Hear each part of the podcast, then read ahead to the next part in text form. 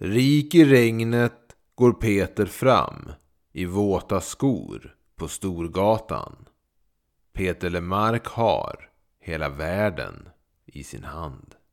Oh, låt mig höra den en sista gång Spela hennes älsklingspodd med Peter LePaul Oh,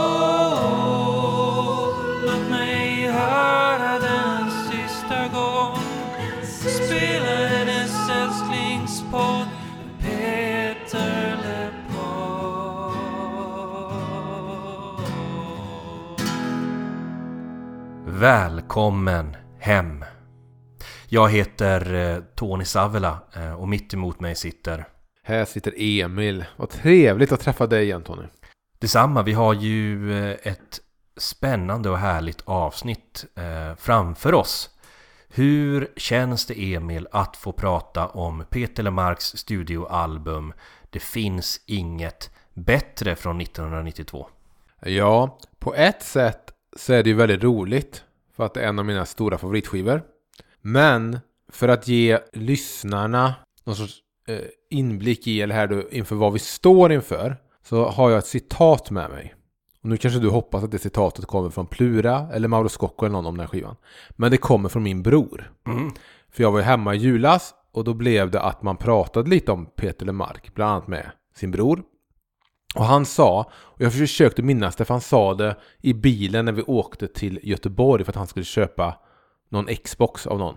Och då sa han, det finns inget bättre, är ju en av, eller den bästa svenska skivan som har gjorts. Men ingen pratar om den som det. Jag förstår vad du menar. Jag skulle säga att eh, sången de spelar när filmen är slut, den föregående skivan, den har ju lite mer av en klassikerstatus. Och jag tror att eh, om man pratar med de som känner till Peter Lemark så skulle väl folk påstå detsamma om eh, Det finns inget bättre. Mm. Men jag tror i det allmänna medvetandet så kanske det är en skiva som inte nämns på samma sätt. Nej, jag tror att när någon tidskrift ska, ska välja de så här 100 bästa svenska albumen och så vill man ha med någon Lemark-skiva men man kan inte ha för många och sådär. Man får alltid, samma som med Beatles och Bob Dylan, man får, man får välja lite. Då kan det nog bli så att man kanske väljer sånger, sången de spelar före den här kanske, men eh, ja, shit vilket album. Men då har jag en fråga lite, om vi säger att, om vi säger att det här är ett av de tre bästa svenska albumen. Spontant då, utan att få safea åt, åt något håll, vilka är de två andra bästa svenska albumen på den listan? Jag är inte säker på att det här är topp tre svenska skivor. Men låt oss säga att det är det. Okej, säg att det är det. Då skulle jag säga att de, den, en av de skivorna är Cornelis Vreeswijks eh, Poem Blues och ballader. Mm. Eh, jag är lite frestad att säga Håkan Hellströms eh, Känn ingen sorg för mig, hans debutskiva. Men eh, jag skulle lika gärna kunna säga Jan Johanssons Jazz på svenska. Vad säger du? Jag vet inte, jag tror jag skulle, jag tror jag skulle svara någon av Thåström 00-talsskivor. Och då vet jag att du kan säga, men det är Skebo Kvarnsvägen. Men jag är inte så säker på det. Men någon av de skivorna från 2000-talet. Och sen har det nog stått mellan möjligtvis Nationalteaterns Barn av vår tid. eh, Eller just des Plast. Okej, men då tycker du i alla fall att det finns inget bättre är med den trion. Ja, men det säger jag också som en person som inte har lyssnat så jävla mycket på svensk musik. När jag, när jag har fått välja liksom. Den borde i alla fall få nosa på den där topp tre, eh. Precis som när vi gjorde sången och spelar eh, Mm. så har vi beslutat att dela upp den här skivan i, i två delar. Mm. Så vi ska börja prata om A-sidan och så i nästa avsnitt så hugger vi tag i B-sidan. Och eh, det ska vi säga att vi bland annat får göra för att det är många fler låtar på den här skivan. Mm. Än det var på förra. Så att för att vi ska hinna gotta ner oss i alla utan att behöva liksom springa igenom dem så tycker jag att det här är, är, är så vi får göra. Och det blir väl trevligt. Och det är också sista skivan som han släppte på vinyl på många år. Så det är Mm. egentligen sista skivan man också kan dela upp i en sida A och sida B. Den här skivan då spelades ju in eh, 1992 då. Eh, tillbaka i Vaxholms studio med återigen med eh, Tony Thorén som producent. Men eh, jag tycker att det kan vara lika intressant att prata om tillkomsten av låtarna, alltså själva skrivarprocessen. Mm. Vi ska inte luta oss för mycket mot Hundra sånger-boken. Det finns ganska bra utförligt beskrivet i den om hur inspelningen gick till. Men om jag får plocka fram och läsa de inledande raderna i kapitlet om hur han skrev den. För det här kan nämligen ha lite, vara av lite intresse för oss göteborgare. Jag tror det måste ha varit den bästa låtskrivarsession jag någonsin haft. Jag checkade in på Victors hotell i Göteborg den 20 januari 1992. En vecka senare hade jag 14 nya sånger. Det är för övrigt, eh, jag citerar alltså eh, Peter Lemark här så att det är inte jag som, som när jag var, gick på dagis checkade in eh, på Victors hotell. Jag fortsätter läsa. Upp klockan åtta varje morgon. En snabb dusch, sedan frukost i matsalen. Vid nio började arbetsdagen. Lunch vid halv ett. Oftast på den mongoliska restaurangen i bottenvåningen. Sedan fortsatte skrivandet fram till kvällen. Ibland hann jag knappt ens äta middag. Jag var mitt eget bästa sällskap där jag vandrade runt och sjöng högt för mig själv i rummet. En angenäm semester från hämtande och lämnande på fritids och dagis. Minns du när vi trodde att den här pandemin skulle vara över lika snabbt som den kom och du sa att vi borde ta en öl i den eh, liksom lobbybaren där på den restaurangen. Vår, vår plan var alltså att vi skulle egentligen livesända från deras hotellfoyer. Idag så heter det inte Hotell Victor längre Nej. utan det heter... ehm, Det är inte någon kedja nu va? Ja, och det är ganska ointressant. Jag tycker inte att vi ska sponsra dem med att säga vad de heter. Nej, jag, var- jag har faktiskt bott på det hotellet skulle jag säga och ätit frukost. Är det så? Det är roligt att Peter just nämner den här mongoliska restaurangen. Min far, när jag växte upp, pratade hela tiden, pratade ofta väldigt gott om en mongolisk restaurang, eller en kinesisk restaurang som han sa Ja. då, i Göteborg, eh, som hade funnits där när han bodde där på 80-talet. Som hade tydligen fantastisk mat enligt honom. Och eh, det visade sig då att, att det här stället Bambu, som det hette, Ja. eh, som lades ner för några år sedan var just det stället. Men att när min far sen gjorde ett återbesök där på 2000-talet så hade det tydligen blivit fruktansvärt dåligt så att han var så oerhört besviken på att hans favoritrestaurang inte längre Suttit uppe i Kalix och bara drömt om en dag ska jag återvända till den där restaurangen liksom i, Ja. i mitt minne. I samband med att jag lade ut på vår Instagram en bild på det här hotellet när jag hade något sorts jobbmöte där så kommenterade Peter på det här inlägget Ja. och jag frågade honom om just vad hans upplevelse var av den här mongoliska restaurangen Bambu och eh, han sa väl ja man åt väl mest där för att det var nära så Ja, att maten verkar ha varit sådär även på det tidiga 90-talet Jag kan ju tänka mig att man hade väl kanske i alla fall röra sig bort ett kvarter från hotellet där man suttit och skrivit hela dagen. mm. Det är konstigt för att jag har minnen av den restaurangen från när jag var liten. Jag vet inte om man passerade där om man i något annat. För jag har klara minnen av den skylten och sånt. Mm. Och det är inte många andra restauranger i den här stan jag minns liksom från när jag var i mellanstadieålder. Så. Jag tror också det var en ganska extravagant inredning man såg från fönstret Ja, så Och det var sånt man, man uppmärksammade när man var barn och, eh, och inte van med så mycket exotiska inslag i Ty- en svensk stadsbild. Det var ju i alla fall en väldigt, eh, vad ska man säga, kreativ tid Peter hade på det här hotellet. Så det var väl därför han gick till närmsta möjliga restaurang för att han skulle hinna skriva ännu fler låtar.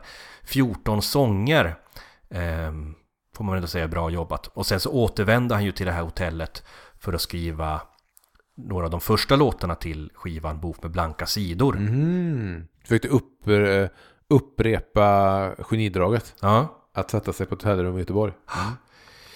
så det kan man ju rekommendera alla som känner att de, de behöver en extra kreativ push. Åk till Göteborg.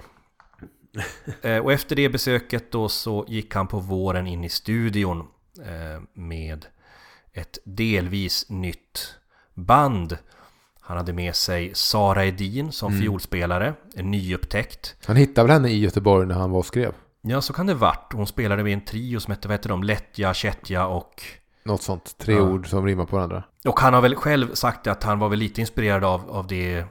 Det här med att ha en fiolspelare var ju något som exempelvis Dylan gjorde eh, på sin Rolling Thunder Review-turné. Varje gång Peter Lemark inspireras av Bob Dylan så får han av den här podden ett minuspoäng. Nej. De singlar som kom från det här albumet var då Det finns inget bättre, titelspåret. Mm. Ge henne tid. På andra sidan bron. Mm. Ända till september. Och Vrå av världen. Och Vrå av världen han komma där någonstans till 93. Och det får man väl säga att det här är i alla fall information jag fått från Wikipedia. Mm. Och Wikipedia har haft fel förr. Låt oss våga lita på internet för en gångs skull. Vi har ju vinylen här framför oss. Ja, som sagt det sista albumsläppet på vinyl till en svag doft av skymning. Eh, många år senare. Vad skulle du vilja säga om det här omslaget? Eh, ja, det är ju Monica som gjorde sången de spelar som även gjort det här. Alltså inte samma Monica som Peters fru utan... Nej, han, hon satt inte hemma och gjorde det vid köksbordet. Nej, Monica Eskedal då. Eh, som var art director under fram till Niobrors väg. Och har väl gjort då några av de mest ikoniska de markomslagen. Och de använder även samma fotografer då, Denise Greenstein. Kan vara fel eh, uttalat. Som även fotade det vackra ikoniska fotot då på sången de spelar. Han står här då med ryggen åt på någon sorts landsväg som löper rakt in i skogen. Och skuggorna faller ner på honom och marken runt honom.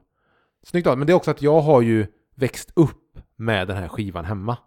Så det kan ju vara att den här är mer ikonisk för mig än vad den är för andra kanske. Jag skulle inte påstå att det är så ikoniskt. Jag förstår ju om du har växt upp med det. Det har inte jag gjort i samma grad. Men eh, jag tycker ju det är ett, Det som är spännande är att det är ju ett ganska distinkt annorlunda en distinkt annorlunda bild från hur sången och spelaromslaget såg ut. Mm. Alltså med själva färgerna och med, med, med motivet. Men samtidigt så går den ju på något sätt i samma ven. En, en likhet är ju att eh, de bygger upp en mystik kring Peter Lemark. Jag menar om vi tar genombrottsskivan där det är ett foto rakt på, han är i närbild, han tittar på oss lite där bakom armen. Eh, så är både den här och sången de spelar och även sen Bok med blanka sidor bör sägas också att det är lite mer suggestiva foton. Det, det här är bakifrån. I sången de spelar så ser vi inte riktigt honom. Visslar han, visslar han inte när han går där? Och sådär. Jag tycker det är väldigt intressant det du säger om att det är mystik på bilderna för det kan ju uppleva själva skivan också. Jag kan känna att eh, på de tidigare albumen har vi pratat mycket om att det finns en upplevd ärlighet Mm. där det är så tydligt hur Peter har plockat händelser från sitt riktiga liv. Mm. Och det intressanta med den här ändå kreativa höjdpunkten skulle jag vilja säga Mm. är ju hur han nästan medvetet rör sig bort från det. Låtarna är ju också, precis som omslagsbilden, mer svårtydliga Mm. och många av låtarna innehåller symboler och mer dunkla metaforer. Mm. Berättelser som skulle kunna vara från ett annat liv men som ändå badar i samma känsla av uppriktighet. Mm, Jag har tänkt på exakt det när jag jämfört den här med skivan som kom innan då, sången de spelar.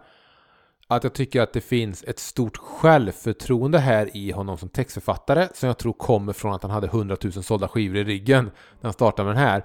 Att jag känner att han har låtit impuls och det direkta spelar stor roll i sitt låtskrivande. Att han litar på det som kommer ut och det har lett till att jag tror kanske att texterna är lite mer, lite mindre arbetade och att han tror mer på sitt skrivna ord och att det då har låtits vara lite mer abstrakt, diffust, det är tolkningsbart. Han litar på att lyssnaren kan ta till sig det fastän det finns en, och nu säger jag att det är citationstecken, mer poetiskt uttryck på den, här, på den här skivan. Och framåt sen skulle jag hävda. Och samtidigt så ur sprickorna så väller det upp detaljer som gör att skivan känns väldigt personlig. Kanske lika personlig som den föregående. Och nu kanske det är min nostalgi som talar, men skillnaden mellan förra tycker jag att den här har ett mindre rent sound. Nu kommer jag nämna en producent som heter Brandon O'Brien som vi båda har relation till för han har producerat både Springsteen och Pearl Jam. Men han har en förmåga tycker jag att göra väldigt här, rena eh, det är väldigt rena produktioner, det låter som det ska. Det, en trum, trummorna låter som trummor och allting så här, men det, finns, det saknar ibland lite identitet. Men här tycker jag det, den är så genomsyrad av en en homogen identitet. Är ett sånt mjukt sound. Kan du som ändå som är musiker förstå vad jag säger? Jag, jag som också har sålt 100 000 skivor och inte har någon som helst musikalisk. Men den har, har väldigt, väldigt tydlig, tycker jag, identitet den här skivan. Och den har ett sånt...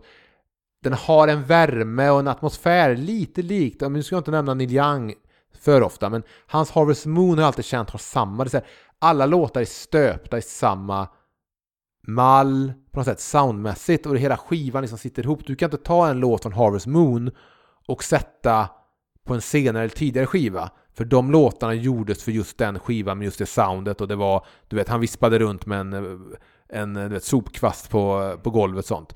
Eh, medan på många skivor som man hör så kan man ta en låt från en skiva och plocka till en annan och man, det, man hör inte så stor skillnad liksom. Till exempel så, så Brandon O'Brien tycker jag producerar lite. Men här tycker jag verkligen det är en identitet. Nej men jag, jag kan hålla med dig om det och speciellt tidiga 90-talet tyckte jag oftast led av att studioalbum kunde låta lite för rena. Ja, kliniska nästan. Lite kliniska, ja. När vi väl går in på låtarna så tror jag att vi kommer hitta bra exempel på detta. Men jag tycker ju också att man märker att Peter kanske har lite andra inspirationskällor på den här skivan. Mm. Så även om det finns ehm, fortfarande väldigt stor inspiration från soulen så är det väldigt uppenbart att countryn har kommit in. Och jag skulle nästan kunna dra mig till att säga att den här skivan stundtals är en countryskiva. Ska vi gå in på själva låtarna? Det kan vi göra. Eh, för den här skivan startar ju då med vad jag skulle säga är en starkt ikonisk Petra Mark-låt Tutula. En låt som Marcus Larsson uppgav då när vi pratade med honom att han inte, inte var en favoritlåt och den fick två plus när den spelades på Cirkus, eh, vilket jag fortfarande har svårt att förstå. Det skulle kunna, en diskussion om Totula på en pub med Marcus Larsson någonstans på Söder i Stockholm skulle kunna leda till att du vet, jag vet inte om det varit någon situation men du vet att det går lite för långt och du alltså Emil, alltså skärp dig. Ja, alla gäster vi haft hittills Mm. i podden. Fan, jag vill ta en öl med de här människorna. Jo, men man får inte ta upp ämnet Totola då. Nej, det får man inte göra. Men vad har du att säga om Totola då? Peter skriver ju själv i 100 sånger att Totola skapades ur anteckningar om gamla drömmar han haft. Mm. Så som låten kom till var att eh, inspelningarna närmar sig sitt slut och eh, Tony Thorén föreslog men de där ackorden du hade fått ihop eh, kan vi inte göra något på dem? Och bandet började spela de här ackorden medan Peter sprang upp till en övervåning, hittade sina gamla anteckningsböcker, tog lite anteckningar från olika låtar och slängde ihop en text. Men han skriver Det blev en låt om ledan, ledan som alltid följer oss längs vägen. Men jag behövde något mer, en motpol, en relief. Jag hörde bandet pumpa ackorden från ovanvåningen. Ett namn dök upp från ingenstans, Tutula. Detta namn fick bli sinnesbilden för det där andra. Hopp och förtröstan, kanske. Nu skrev låten sig själv. Både ord och konjak rann fort. Jag har en väldigt personlig koppling till den här låten. Som blir till en anekdot nu Tony. Ja, men låt höra. Jag har ett minne av att jag för kanske tio år sedan någonting. Jag åker en spårvagn. Det måste vara mitt i natten eller det kan vara tidig morgon. Det kan vara så sista spårvagnen.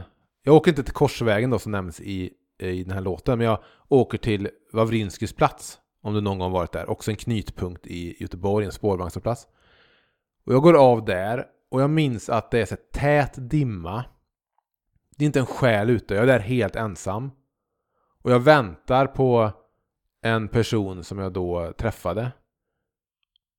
Och jag vet inte varför jag åker just dit. Jag vet inte varför jag är där så sent. Men jag har också det här minnet av att jag hör hennes fotsteg. Och från en cykelväg nära hållplatsen i den här täta dimman så kommer det liksom, kommer hon som en skepnad ur dimman. Och så bär hon på just en katt. Och sen har jag ett minne av att vi stoppar en taxi och åker någonstans. Men jag vet inte var. Och varje gång jag sätter på den här låten så är jag tillbaka där på Wawrinskys plats och väntar på henne och hon kommer med katten. Och jag vet inte längre om det här har hänt. Eller om det är en dröm jag haft skapad av låten.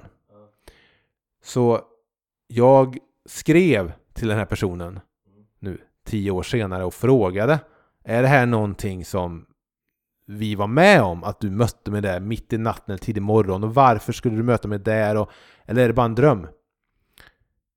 Eh, men hon läste meddelandet men svarade inte. Så jag vet inte, men resten av mitt liv och varje gång sedan dess om det nu var en dröm eller om det har hänt så har jag alltid haft det i huvudet och varje gång jag då kommer lyssna på den låten resten av mitt liv kommer jag alltid vara där igen på den hållplatsen eh, väntandes på den personen, vilket är ja. Det låter ju nästan som vår, vår första vers i den här låten. Jag kan ju läsa Mm. den också. Jag tycker om att läsa. Jag har kunnat göra det sedan jag var 14. Eh, Så här går den. Jag drömde i natt en underlig dröm. Ett vitkalkat hus. Var det låg har jag glömt. Men du var där. Du bar en katt i din famn. Du sa någon som gått så långt måste få ett stolt namn. Tutula. När vi pratade med Lasse Erman så dök det upp en liten diskussion där jag höll mig lite utanför. Men det Mm. var eh, när vi pratade om första skivan, genombrottsskivan. Så, så tog ni upp det här att på baksidan eh, så var alla låttexter med. Mm. Och ni pratade om att det gav ett mervärde. Och att då kan man sitta och läsa med och det är så här. Jag, och jag vill inte liksom beblanda mig i diskussionen då, för jag vill inte att det skulle uppstå sånt där eh, bråk som det kan uppstå med Marcus Mm. Larsson på Söder.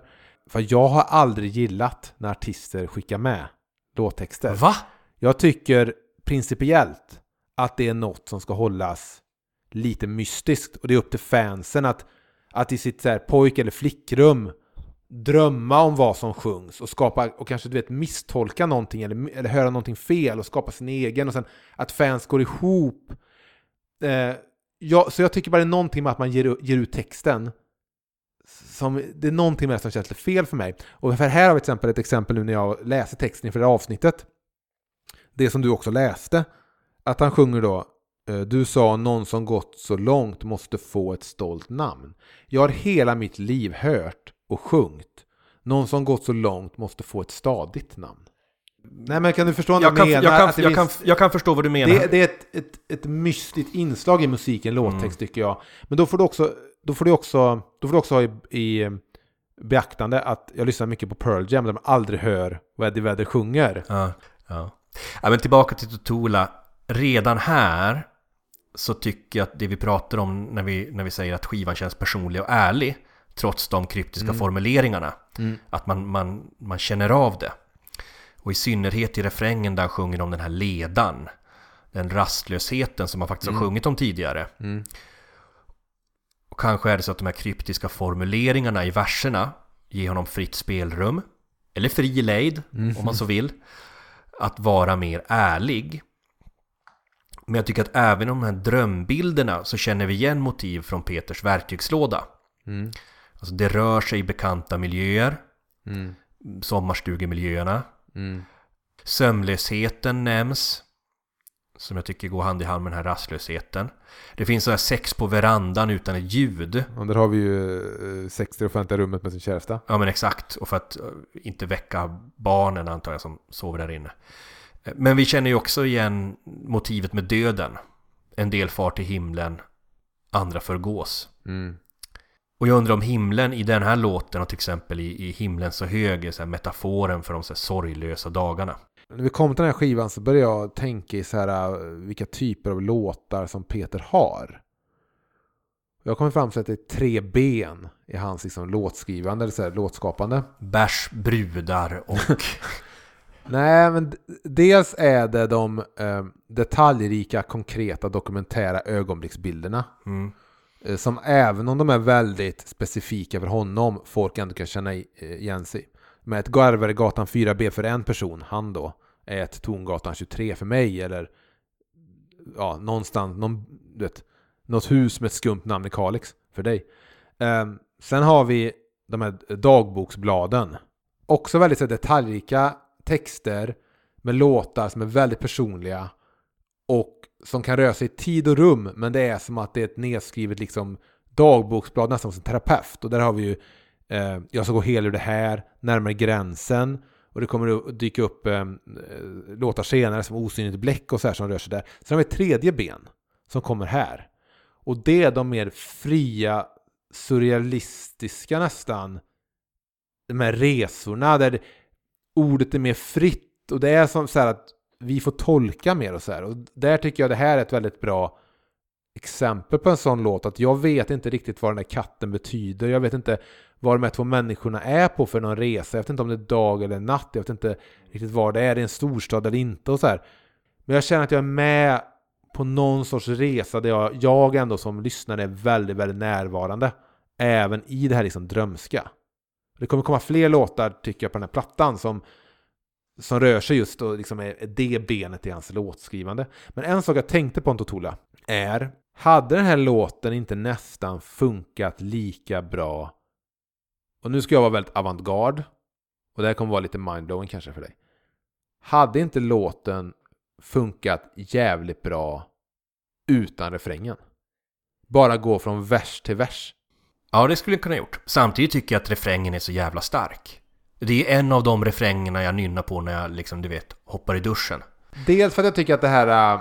Dels med att han avslutar vissa ve- verser med eh, till exempel då eh, första versen som du läste då. Du sa någon som gått så långt måste få ett stolt namn. Tutula, Tutula betyder. Och sen bara gå in i nästa vers tycker jag är Mm. jävligt snyggt.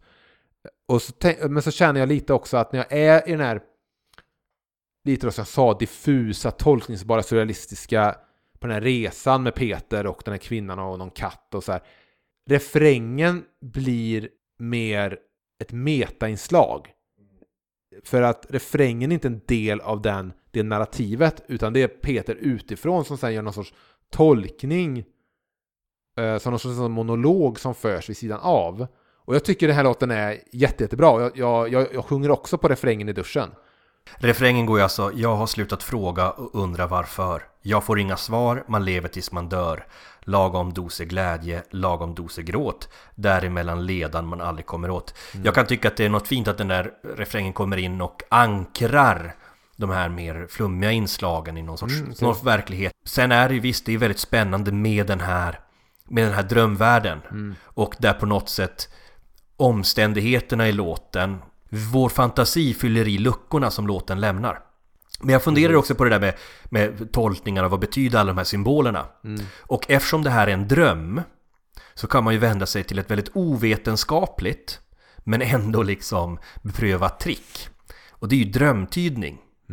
Så jag var inne på en, en, någon kvinna som heter Anna-Lena Ja. som har annalena.se Och så kollar du upp så här, vad betyder smält margarin? Ja, exakt.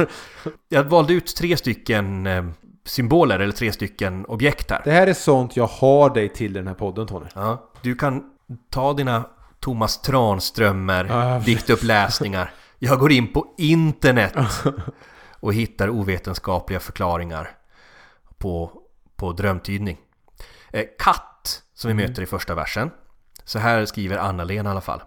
Katten anses symbolisera falskhet men också huslig lycka. Det finns många tolkningar av kattdrömmar. Är den exempelvis svart så kan det vara en hotande fara. Eh, vit eller randig, trivsel i hemmet. Och sen så i andra versen där så nämner han ju moln.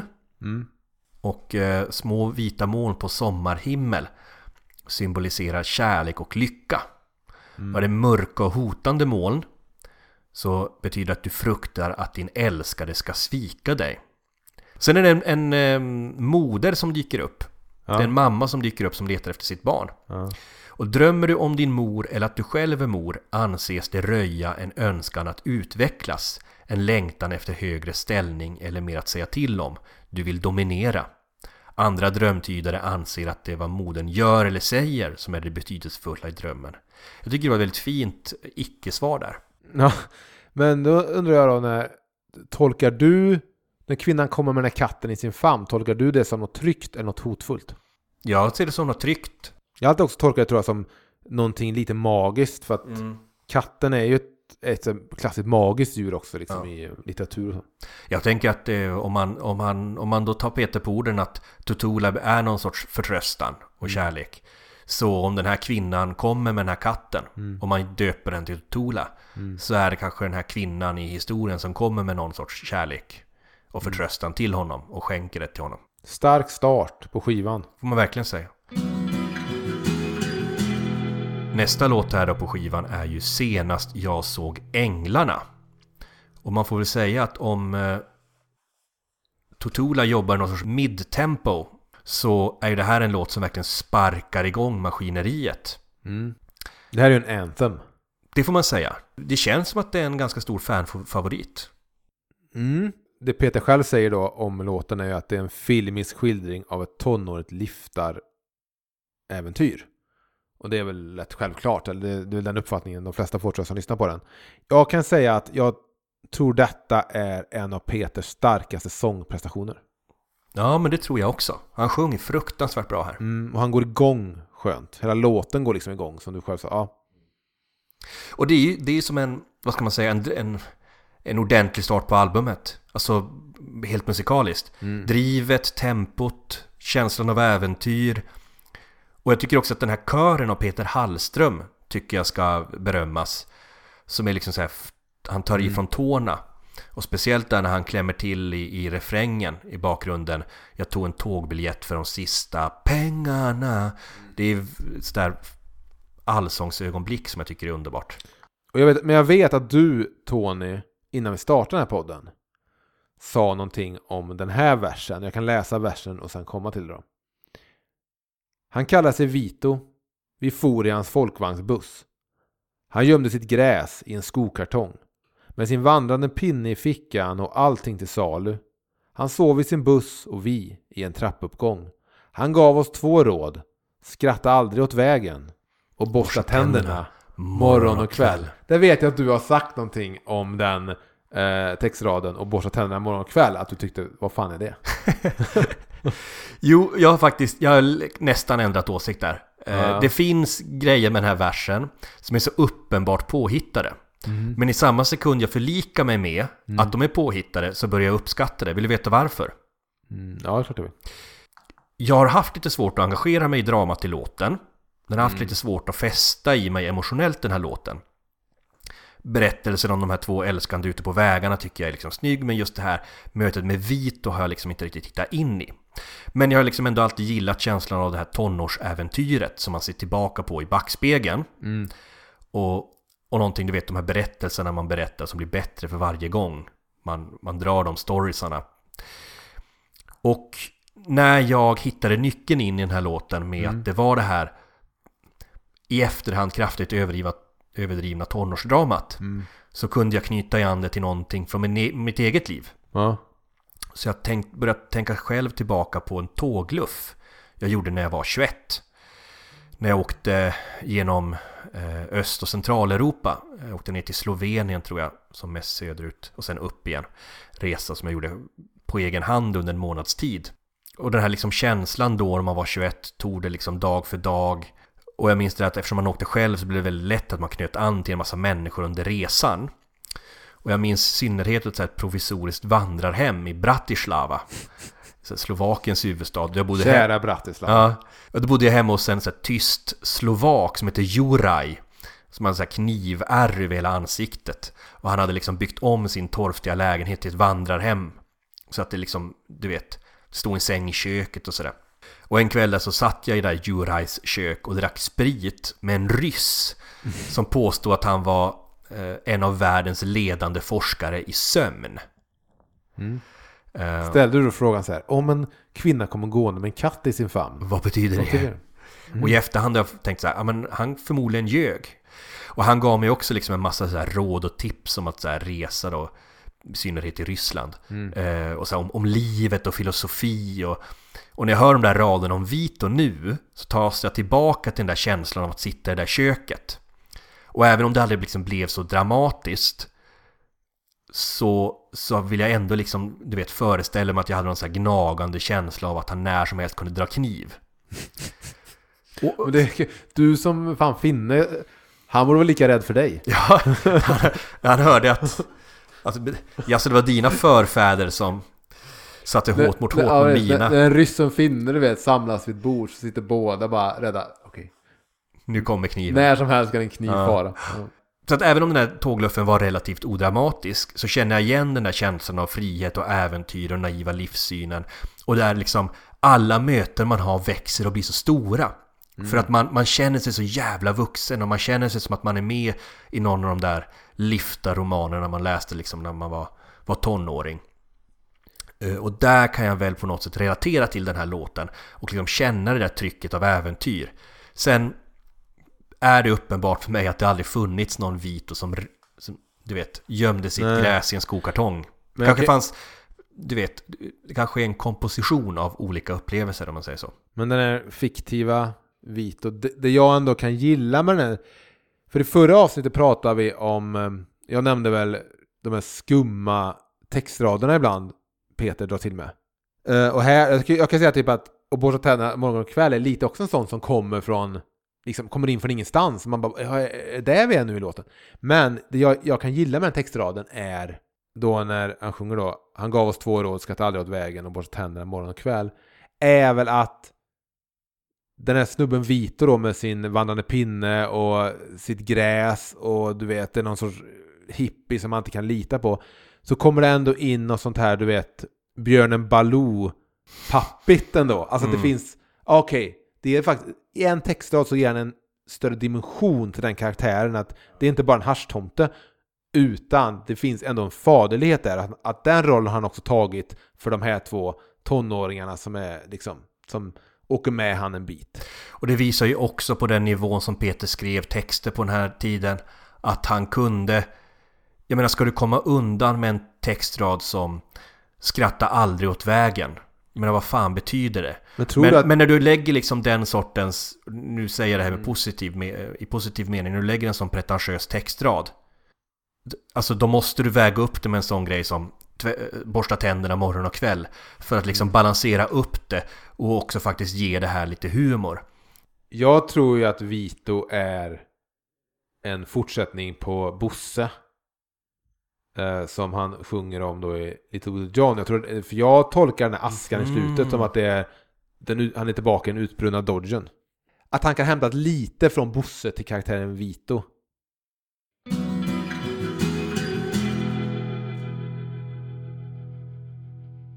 Nästa låt på skivan Det finns inget bättre, titellåten Jag kan ta en kort historia om att på våren där så skrev han en låt som heter Rik i regnet. Som sen då dök upp som bonusspår i den här boxen och nu finns på Spotify. Eh, men han tyckte att någonting saknades med den låten så den kom inte med på skivan.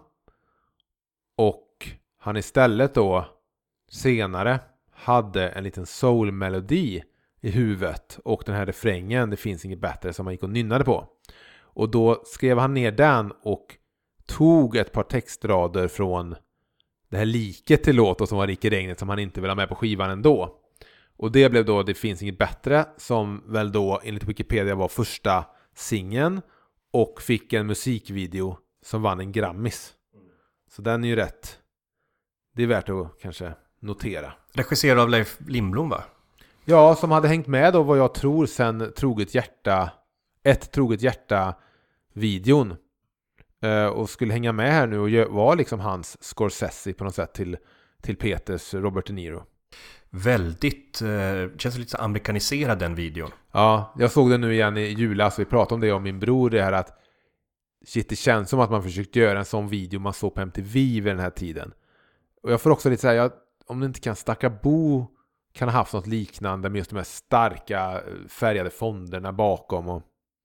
Men jag tycker den passar också i det här att där har också Peter väldigt suggestiv. Han är nästan som en silhuett, dansar och sen har man den här kören med svarta kvinnor. Det, man, det känns som man fick fått en, en, en internationell look på videon. mm.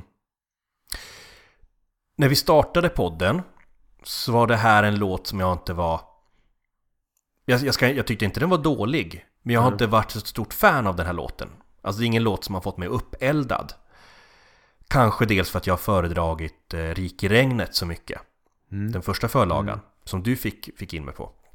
Men den här har verkligen växt på mig de senaste månaderna skulle jag vilja säga. Så att nu fattar jag varför det här var en singel. Mm. Och att, att den har någonting lite svårdefinierat för den har ingen Den har ju en tydlig refräng Mm. Men den har inte den där Vad man ska säga, det, det man förknippar med en hit Nej. utan den har någonting lite mer flytande och ett ganska speciellt liksom lite lågt tempo. Men det Ja, gör ja, den också. precis, här Den gör den samtidigt väldigt hypnotisk nästan. Jag tänker nästan mer på musiken än på texten med den låten. För den har någon så här suggestiv känsla genom sig som inte är så här, um, så, så här hitplastig. Som kanske mellan dig och mig, som ett exempel. Sophie's Choice, det vill säga det filmen Meryl Streep, de måste välja vilket av sina barn som ska leva. Den här är det Rik i regnet, vilken hade du satt på skivan? Hade du frågat mig för ett halvår sedan så hade jag sagt Rik i regnet, Ja. utan tvekan. Nu är inte jag lika övertygad längre. Ja, jag är lite tvärtom. Jag hade omedelbart sagt det finns inget bättre. Och det är det självklara valet på alla sätt och vis. Men det är ändå inte så lätt att göra det valet. För Rik i regnet är också en skitbra låt. Med Otrolig refräng. Den, alltså, den hade ju... Eh, jag vet att Peter tyckte att den inte riktigt funkade och därför han skrev om den till det här. Mm. Men jag tycker att den låten eh, hade kunnat höra hemma på vilken skiva som helst. Mm, det är ju en av de här äh, Väntar i mirakellåtarna. Ja. Jag tänker på, på den här eh, refrängen. Eller på Mm. låtens, vad ska man säga, motto och tema. Det finns inget bättre än Mm. när det vänder. Vad innebär det, eller vad handlar låten om? Vad, vad innebär när det vänder? Om man egentligen ska ifrågasätta det.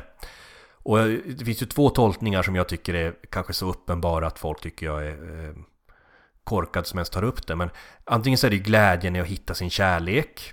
Mm. Eller så är det känslan att komma ut ur en depression. Eller är det så att till och med varje vers är ett exempel på olika situationer som är sköna när de vänder. Förstår du hur jag menar? Ja, jag har nog eh, tänkt lite samma banor. För första versen som liksom startar med Jag har redan glömt allting. Glömt veckorna i underjorden. Så min tolkning har alltid varit att så här, eh, det finns inget bättre än när det vänder när det går från liksom skit till bra på ett eller annat sätt. Sen i andra versen är det väl som man också sjunger Hitta någon att älska, älska allt du kan. Så då känns det som att det kan gå liksom från e- ett av de där sätten att må skit på kan ju vara hjärtesorg. Ja. Sen hittar man någon som får den där hjärtesorgen att bli som ett minne blott. Men här är också det jag, jag pratar om den här självsäkerheten. Här tycker jag den här refrängen är så att den är lite diffus, den är lite svår, men han litar ändå på den. Och jag menar, folk som lyssnar på låten känn, känn, kan nog tolka det olika. Men jag tror Peter ändå förstår att ja, ni kommer känna något när jag Ja. kommer dit. Och man kanske applicerar sina egna erfarenheter. Ja.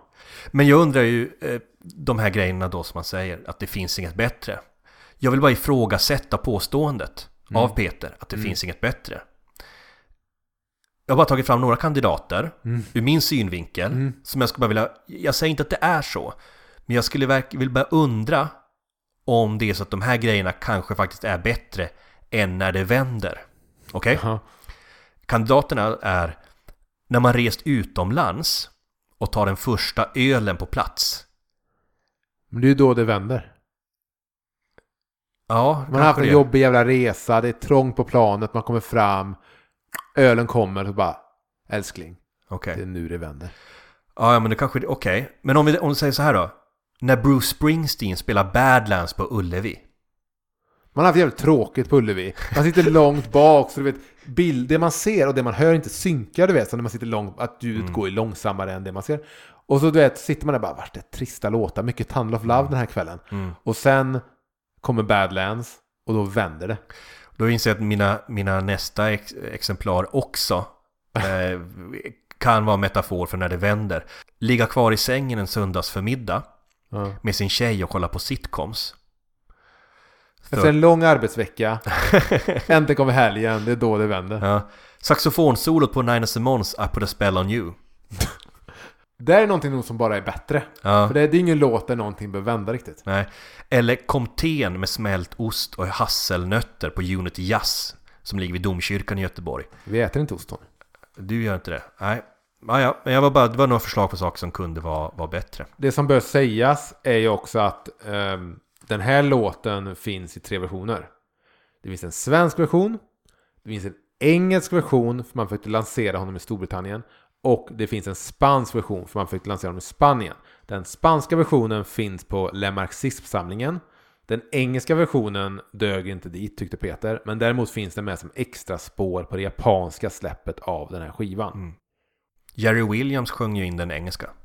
Det gjorde han, den Mm. finns på Spotify, Jerry Williams version. Mm. Vet du om att eh, Monica har textcredit på eh, den engelska? Det visste jag faktiskt. Ja.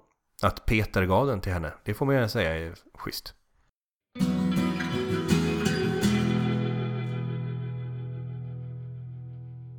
Ja, då kommer vi till en till låt då som var singel och det är Ge henne tid, en duett med Gladys del Pilar. Du Ja, nej det jag tror det är som som ska säger. vara med Afrodite. Mm. Och det här är en låt där jag känner att det finns ett känt citat som jag ska försöka översätta från engelska till svenska nu så jag tycker beskriver lite den här låten. Jag tar det alltså på svenska, men det engelska citatet är väldigt känt. Om du älskar någon så släpp personen fri. Om personen kommer tillbaka så är personen din. Om personen inte gör det så var personen aldrig det. Eh, jag vet faktiskt inte vem som sa det engelska och jag kunde egentligen läsa det på engelska för det är rätt känt. Men jag, jag tog det på svenska för, jag vet inte varför, för det är en svensk podd. Men det, det är så jag känner väl kanske att det sammanfattar vad den här låten handlar om. Mm. Det handlar om någon som känner att kvinnan man har haft är på väg bort från en. Och jag kan förstå den desperationen som finns i det. Att hur ska jag stoppa det som nu som händer? Men allt som oftast är ju det ödesbestämt när någon är på väg ut ur en relation. Eh, men så kommer den här trygga rösten vid sidan av som en hjälp, som, någon som, alltså som inte en ängel på axeln men en, en, en hjälpande vän av något slag. Och det är då Gladys eh, som sjunger då om att ge henne tid. Se vad som händer. Hon har ett krig med sig själv. Jag kan läsa eh, utdrag här ur texten då. Vi har Peter då sjunga för varje ensam stund, för varje gång jag frågar vad hon vill glider hon längre, längre, så långt från min hand. Och Gladys svarar Ge henne tid, ta dig mod att lära känna henne. Hon har blivit sviken förr, hon har ett lås på sin dörr. Du har nyckel dit när du förstår hur hon känner. Det blir som en call and response. Och jag undrar, nu är det ju en kvinna som sjunger svaret. Mm.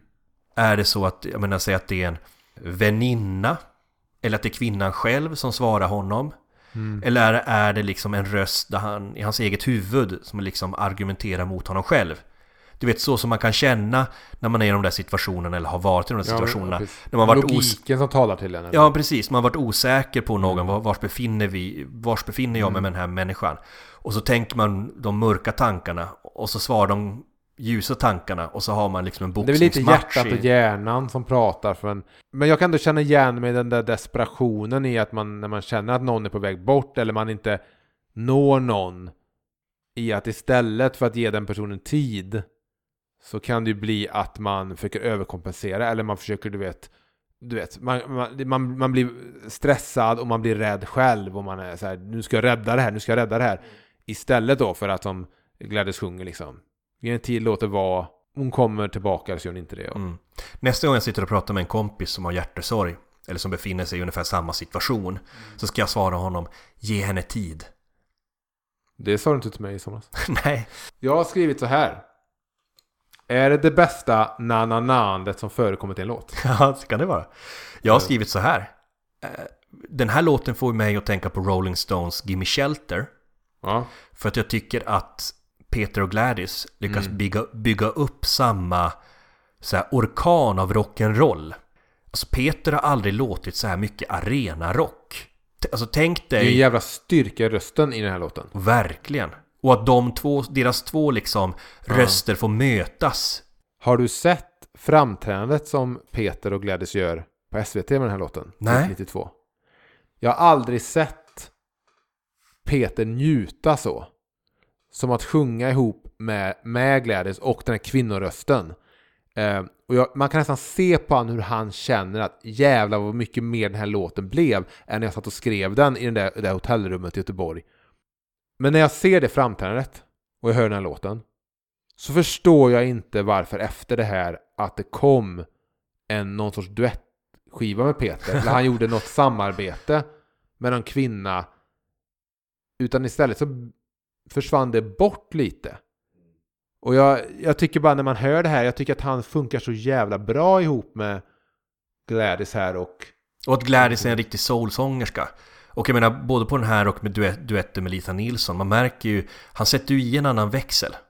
Ja, jag hade, fan jag hade kunnat sett en duettskiva alltså, du vet. Kan du se ett, ett alternativt universum där Peter inte slutade turnera efter 93?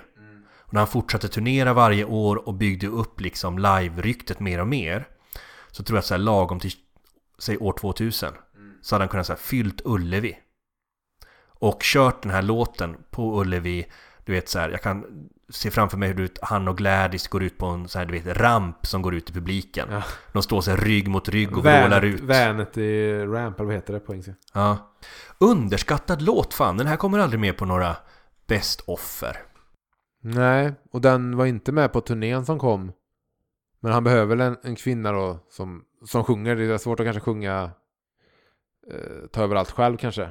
Men precis, ja. Det var ju en singel, jag vet inte hur den gjorde men den borde gått eh, okej.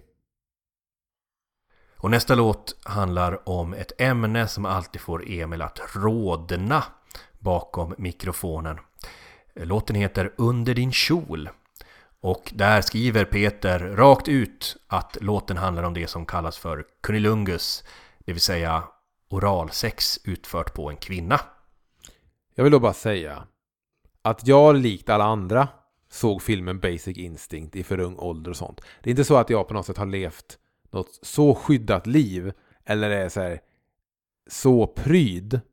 Men det jag kan säga är att jag haft en relation till den här låten och tolkat den som jag tolkat den under min uppväxt och sådär. När jag öppnade upp starkare än ordboxen och skulle ta mig igenom den bokleten och var så, var så du vet pepp på att läsa om en av mina favoritskivor som är den här då, det finns inget bättre. Och man läser i princip, ja den låten handlar om moralsex, det är så det är.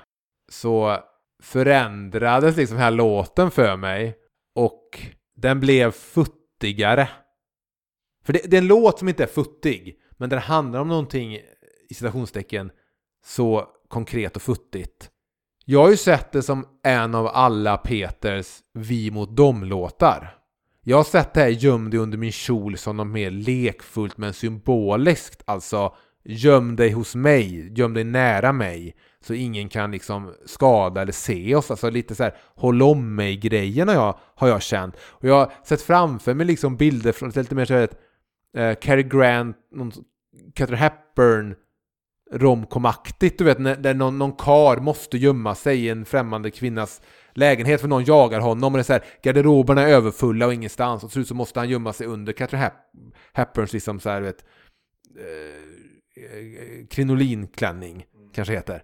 Eh, och det blir, jag har inte sett det så mycket och sen såklart att, att när det kommer den textraden Låtsas som inget sjunkt djupt i din stol, det är bara en fjäril under din kjol. Det är klart att när jag växte upp att det här fjäril under din kjol var Ja, han pratar om något pirr eller något sånt där. Men jag har ändå alltid sett det som något mer symboliskt för att det är jag och du som gömmer oss undan. Göm dig under min kjol, jag som tar hand om dig.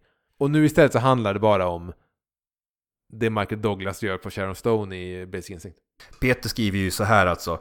ehm, denna bag- bagatell är en erotisk fantasi. Kvinnan i stolen bär långkjol, kanske en krinolin. Ja. Ingen kan se, ingen, ingen kan ana vad som sker där under.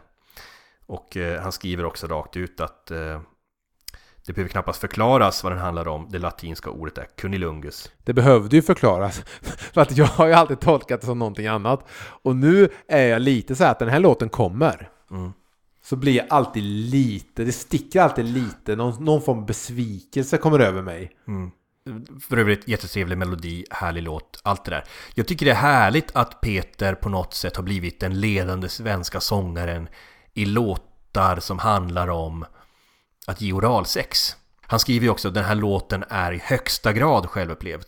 Ja, och jag vill, jag vill inte få det att framstå som att jag på något sätt ställer mig emot oralsex eller att ge oralsex eller någonting. Så jag är inte någon så här hiphoppare i USA där det är så här eh, fult att ge oralsex eller, som i den kulturen.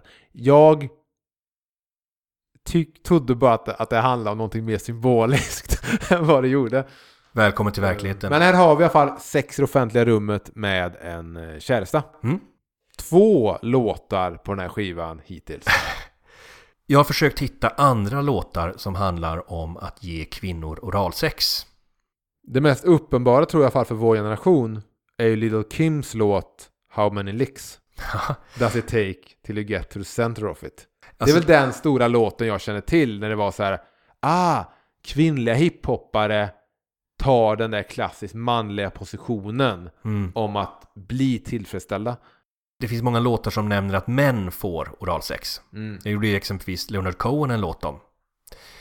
Chelsea Hotel. Ja, men det är ju inte temat för låten. Nej, men en att när, när, det, när det liksom beskrivningarna finns. Mm. Och just inom hiphop så har det varit en, många kvinnor som har sjungit om det. Jag menar även, inte bara Lil Kim utan Missy Elliots Work It. Så har hon textraden Go downtown and eat it like a vulture. Jo, men jag, jag tror det är dels att såklart kvinnliga hiphoppare tog lite den där manliga positionen. Mm. Och sen också att eftersom det finns den kulturen i att det är fult att ge oralsex eller liksom omanligt. Så tror jag också när de kom, liksom starka kvinnor kom och, och liksom tog den. Nu vet ju vi att det mest manliga man kan göra är ju faktiskt då Laga en god rätt en fredagkväll. Kanske veganska tacos till sin käresta. Mm. Jag, jag har i alla fall försökt hitta några svenska låtar som handlar om det. Eh, Tant Strul Mm. har gjort den fantastiska låten Slicka mig ren. Men det har, men det har inte gått att hitta några låtar av, eh, av män som handlar om oralsex mer, i alla Nej. fall för mig. En googling på låtar om oralsex ledde mig in på en artikel av Anders Lokko som handlar om, Googlade du på jobbdatorn eller? ja, som sagt, jobbigt ämne att googla på. Men det ledde mig till en artikel av Anders Lokko som handlar om Surprise Surprise Peter Lemark. Ja, ja, ja. Och då en helt annan låt till och med. Vilken låt skulle det vara då? Eh, det som håller oss vid liv tror jag. Ja, det är spännande när vi kommer dit då. Mm. Att det här temat är så starkt och fortsätter. Kanske det som är starkare än ord.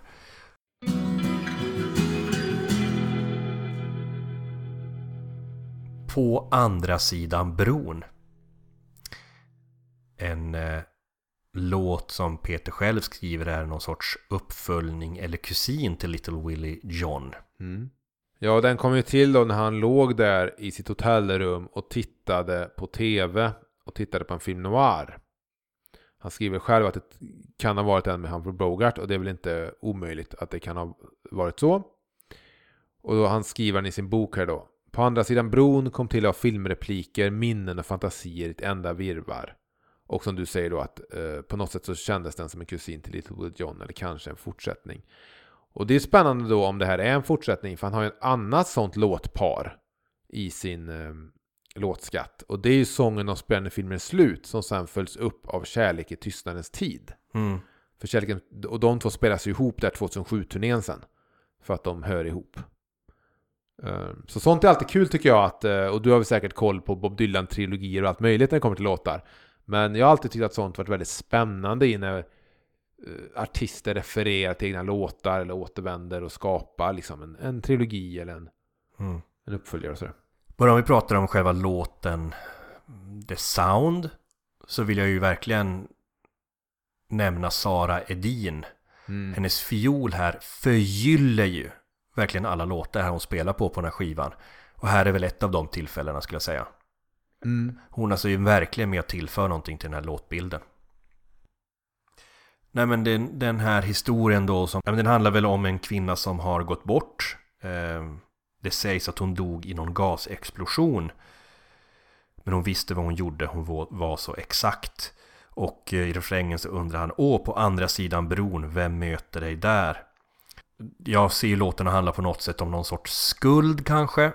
Eh, över allting det som inte sades, eller allt som inte gjordes. Mm. Och någon undran om vad hon liksom, vad som händer där. ehm, på, på andra sidan bron. På andra sidan bron är ju vägen till himlen. Mm. Eller hur? Eller Jag- tolkar du det som en bro någonstans i Norrtälje? Nej men jag har ju funderat, efter att du gjorde ju sån succé med din tolkning av metaforen med månen. Ja. Alltså när folk stannar mig på stan om podden Så säger de så här, du hälsa Emil om det där med månen Att jag har verkligen tänkt på det eh, Och jag har då också slitit hårt för att liksom knäcka koden i någon metafor eh, Så att jag funderar just på betydelsen av, av broar Kanske i Peters texter i allmänhet men i synnerhet för den här låten Och jag menar, en bro är ju en ganska självklar metafor i vilket diktverk som helst. Att det kan vara gränser mellan livet och döden. Och det kanske man undrar i den här låten när han, när han sjunger På andra sidan bron, vem möter dig där? Mm. Men jag funderar också på om bron kan vara gränsen mellan olika utvecklingsfaser i ens liv. Mm. Och det jag menar med det to- torrt akademiska uttrycket är när du varit med om vissa erfarenheter så kan du inte gå tillbaka till något som har varit. Till en Mm. viss tid eller en viss relation. Du är inte samma människa längre, har inte samma förutsättningar. Så säg att det här skulle vara den stora ungdomskärleken från Little Willie John Mm. som han möter igen Mm. nu när han har lämnat staden så är det ju inte så att den här kärleken kan blomma upp igen. Säkert. För att han har hunnit bli en annan människa.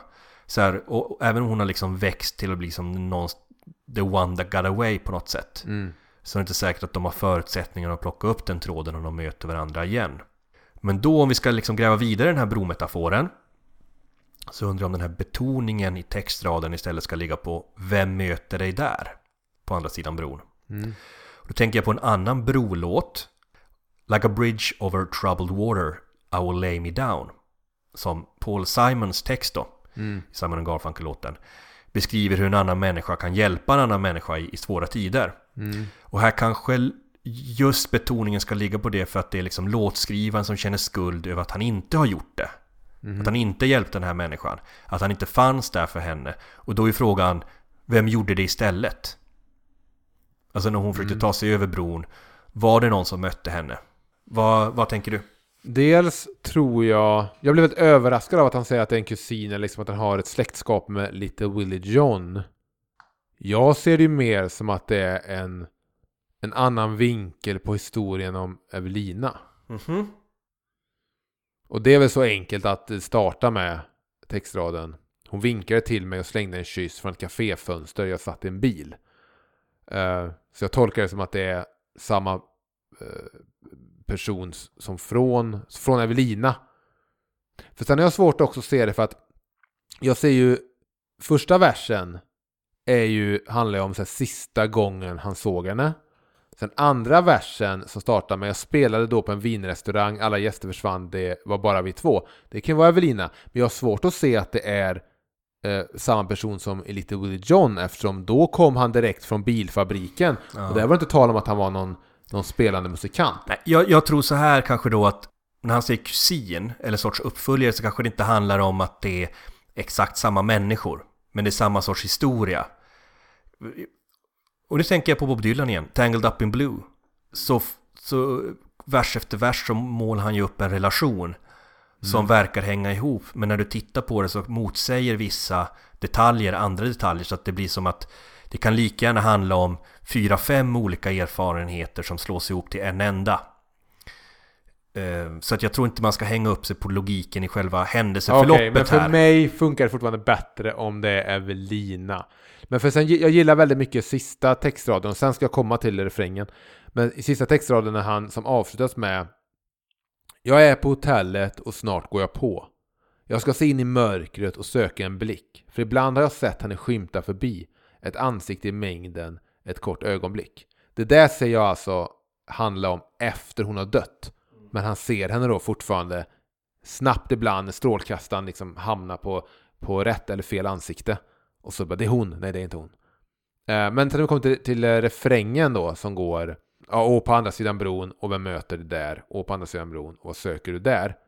Det tror jag handlar om eh, att han försöker rationalisera eller förstå varför hon tog sitt liv. Alltså att det handlar om att hon tar sig över bron till, till, liksom, till himlen eller vad man nu, hur man vill se det.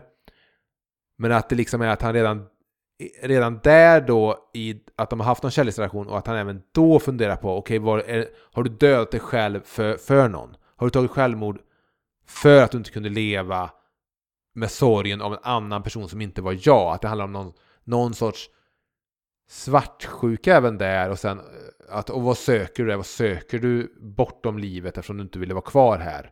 Och så, så jag tror ändå det handlar fortfarande om hans relation till en kvinna man inte kommer över, the one that got away, och tankarna på så här, vad valde hon istället? Vem mm. hon istället? Går hon till och med in i döden för någon så, istället för att vara med mig? Så Det jag tycker det är en alltså- väldigt stor låt på det sättet.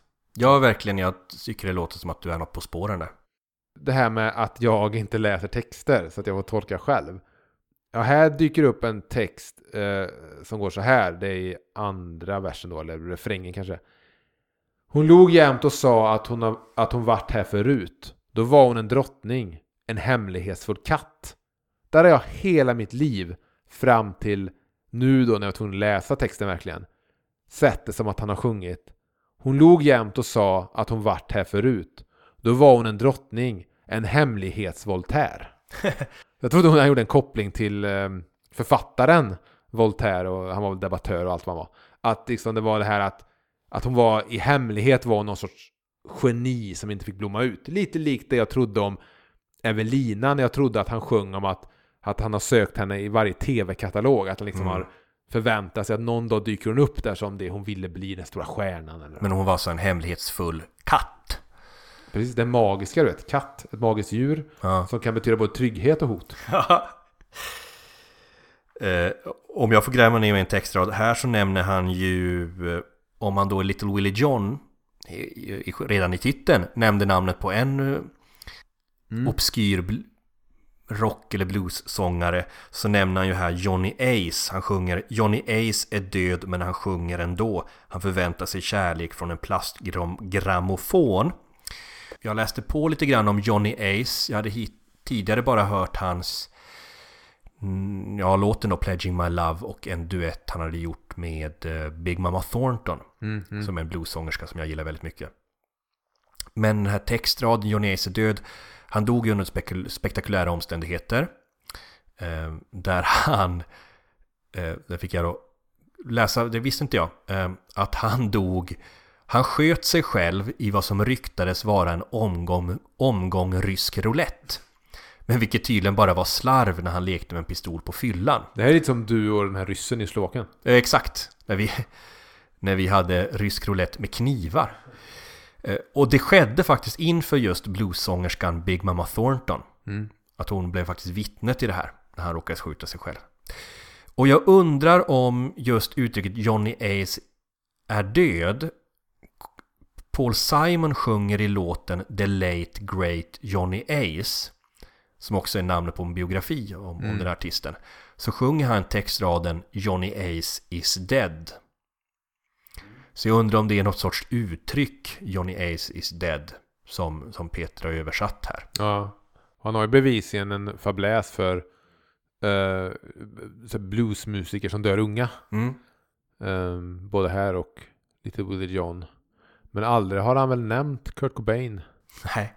Och det är väl alla tacksamma för.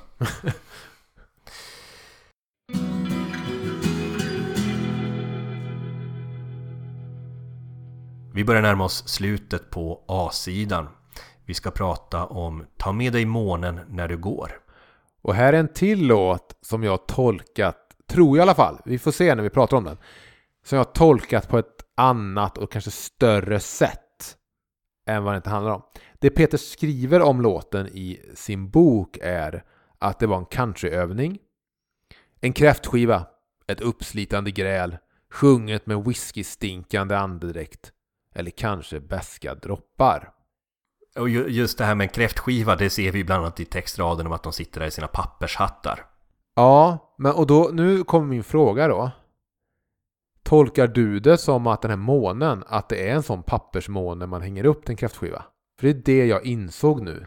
Ja, Jag har alltid, för jag har alltid tolkat det, det kanske dock det kanske är det självklara, att jag har tolkat det som att när de hade den här kärleksrelationen så liksom blev väl månen något för dem, att månen är ju det här magiska som fanns där. Och när hon väl stack och lämnade honom i en ruin i låten, att det är så här, men du kan ta med dig det där magiska vi hade också, Du, ta med dig allt. Jag liksom, lämna inte kvar något som, liksom, som finns här som liksom, jag knappt förtjänar längre i min ruin jag är i.